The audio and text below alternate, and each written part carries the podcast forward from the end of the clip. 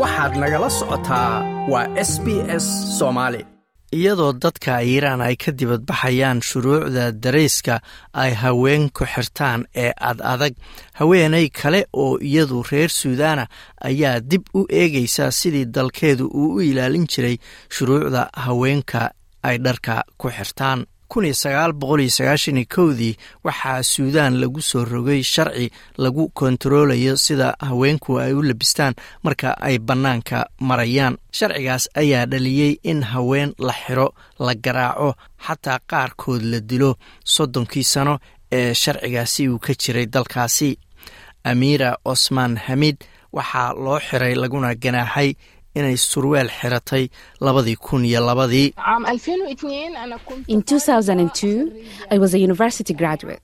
Sanadkii labadi kun iyo labadii waxaan ahaa gabar yar oo markaas jaamacadda ka qalin jebisay gabdhaha yaryar iyo haweenkau dharka ay xiran karaanna wuxuu ahaa mid xadidan oo qeexan laakiin shakhsiyan ma aana raacayn sharcigaas. Waxaan xiran jiray surweel sababtaas ayaana la ii xiray kiina jenaraal cumar al bashiir ayaa xukunka suudaan la wareegay oo muddo soddon sanaa dagaal sokeeye uu ka jiray.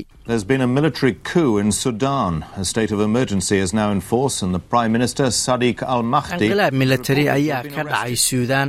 Xaalad deg dega ayaa dalka lagu soo rogay. Ra'iisul wasaare sadiiq al mahdi ayaa la sheegay in la xiray. Waxaa ka jiray suudaan xiisad bila soo socotay oo ka dhalatay khilaaf ka dhexeeya ciidanka iyo dowladda madaxweyne bashiir oo ahaa nin islaamiista ah ayaa sharci cusub soo rogay dii sharcigaas oo dowladda siinaya awood dheeraada oo ay ku koontaroosho waxa dadku xirtaan shaqada ay qabanayaan waxaana gaar ahaan sharcigan lagu beegsaday haweenka. Qofkii loo arko inuu sharcigan jebiyey wuxuu mutaysanayay ciqaabo ay ku jiraan in la garaaco marmar dhif aana in dhagax lagu dilo ama la toogto amiira ayaa sheegtay in wakhtigaasi uusan haweenka u ahayn mid ammaan ah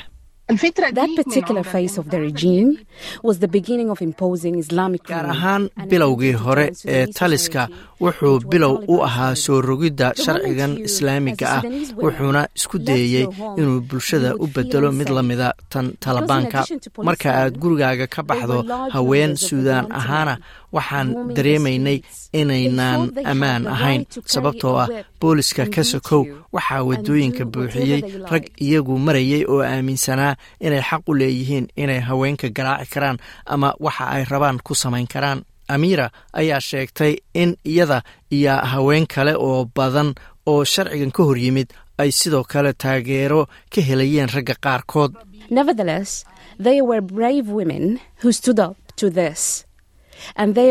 si kastaba ha ahaatee waxaa jiray haween badan oo ka soo horjeestay sharcigan.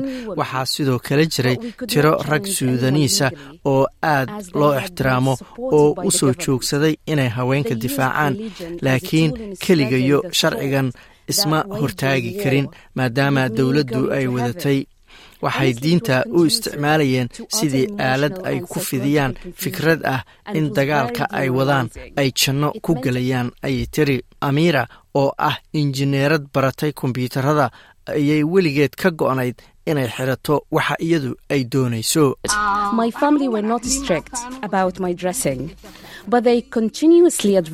Qoyskaygu iguma khasbi jirin dharka aan xiranayo laakiin waxay mar walba igula talin jireen inaan xirto cambuur iyo shaati gacmo dheera madaxana aan daboosho si aanan dhibaato ula kulmin.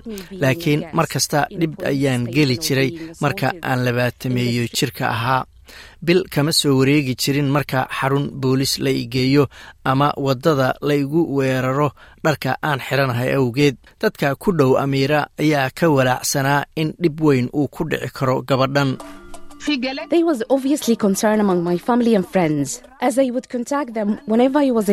dabcan walaac ayay qabeen qoyskayga iyo saaxiibaday maadaama mar kasta oo aan dhib la kulmo aan la soo xiriiri jiray ama wici jiray waxaan uga baahan jiray inay qareen ii qabtaan ama waxaan uga baahan jiray lacag aan ku laaluusho qofka waardiyaha ah.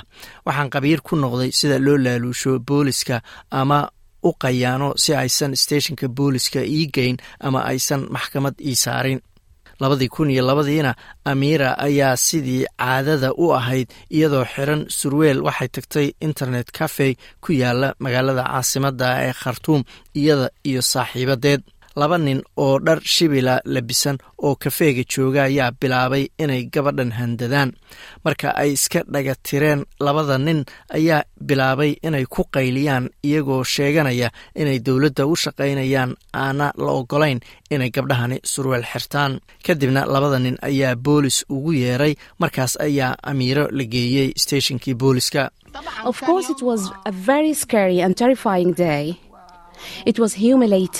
dabcan aad ayaan u baqayey waxay ii ahayd maalin argagaxle waxay ahayd bahdilid sida anoo u taagan sidii gabar moodal ah oo askar badan oo boolisa ay sida aan u ekahay ka hadlayeen ama daawanayeen dhammaantoodna waxay isticmaalayeen luqad aflagaada ah. Waxaa la ii jaray ganaax isu bedeli kara bil xabsiya haddii aan bixin waayo. Urur la yidhaahdo no to the operation of women in suudan ama maya in haweenka suudan la dulmiyo ayay aasaastay gabadhani. Amiire ayaa sheegtay in iyada iyo ururkeedu ay garab taagan yihiin haweenka iiraan iyo dhammaan haweenka bariga dhexe.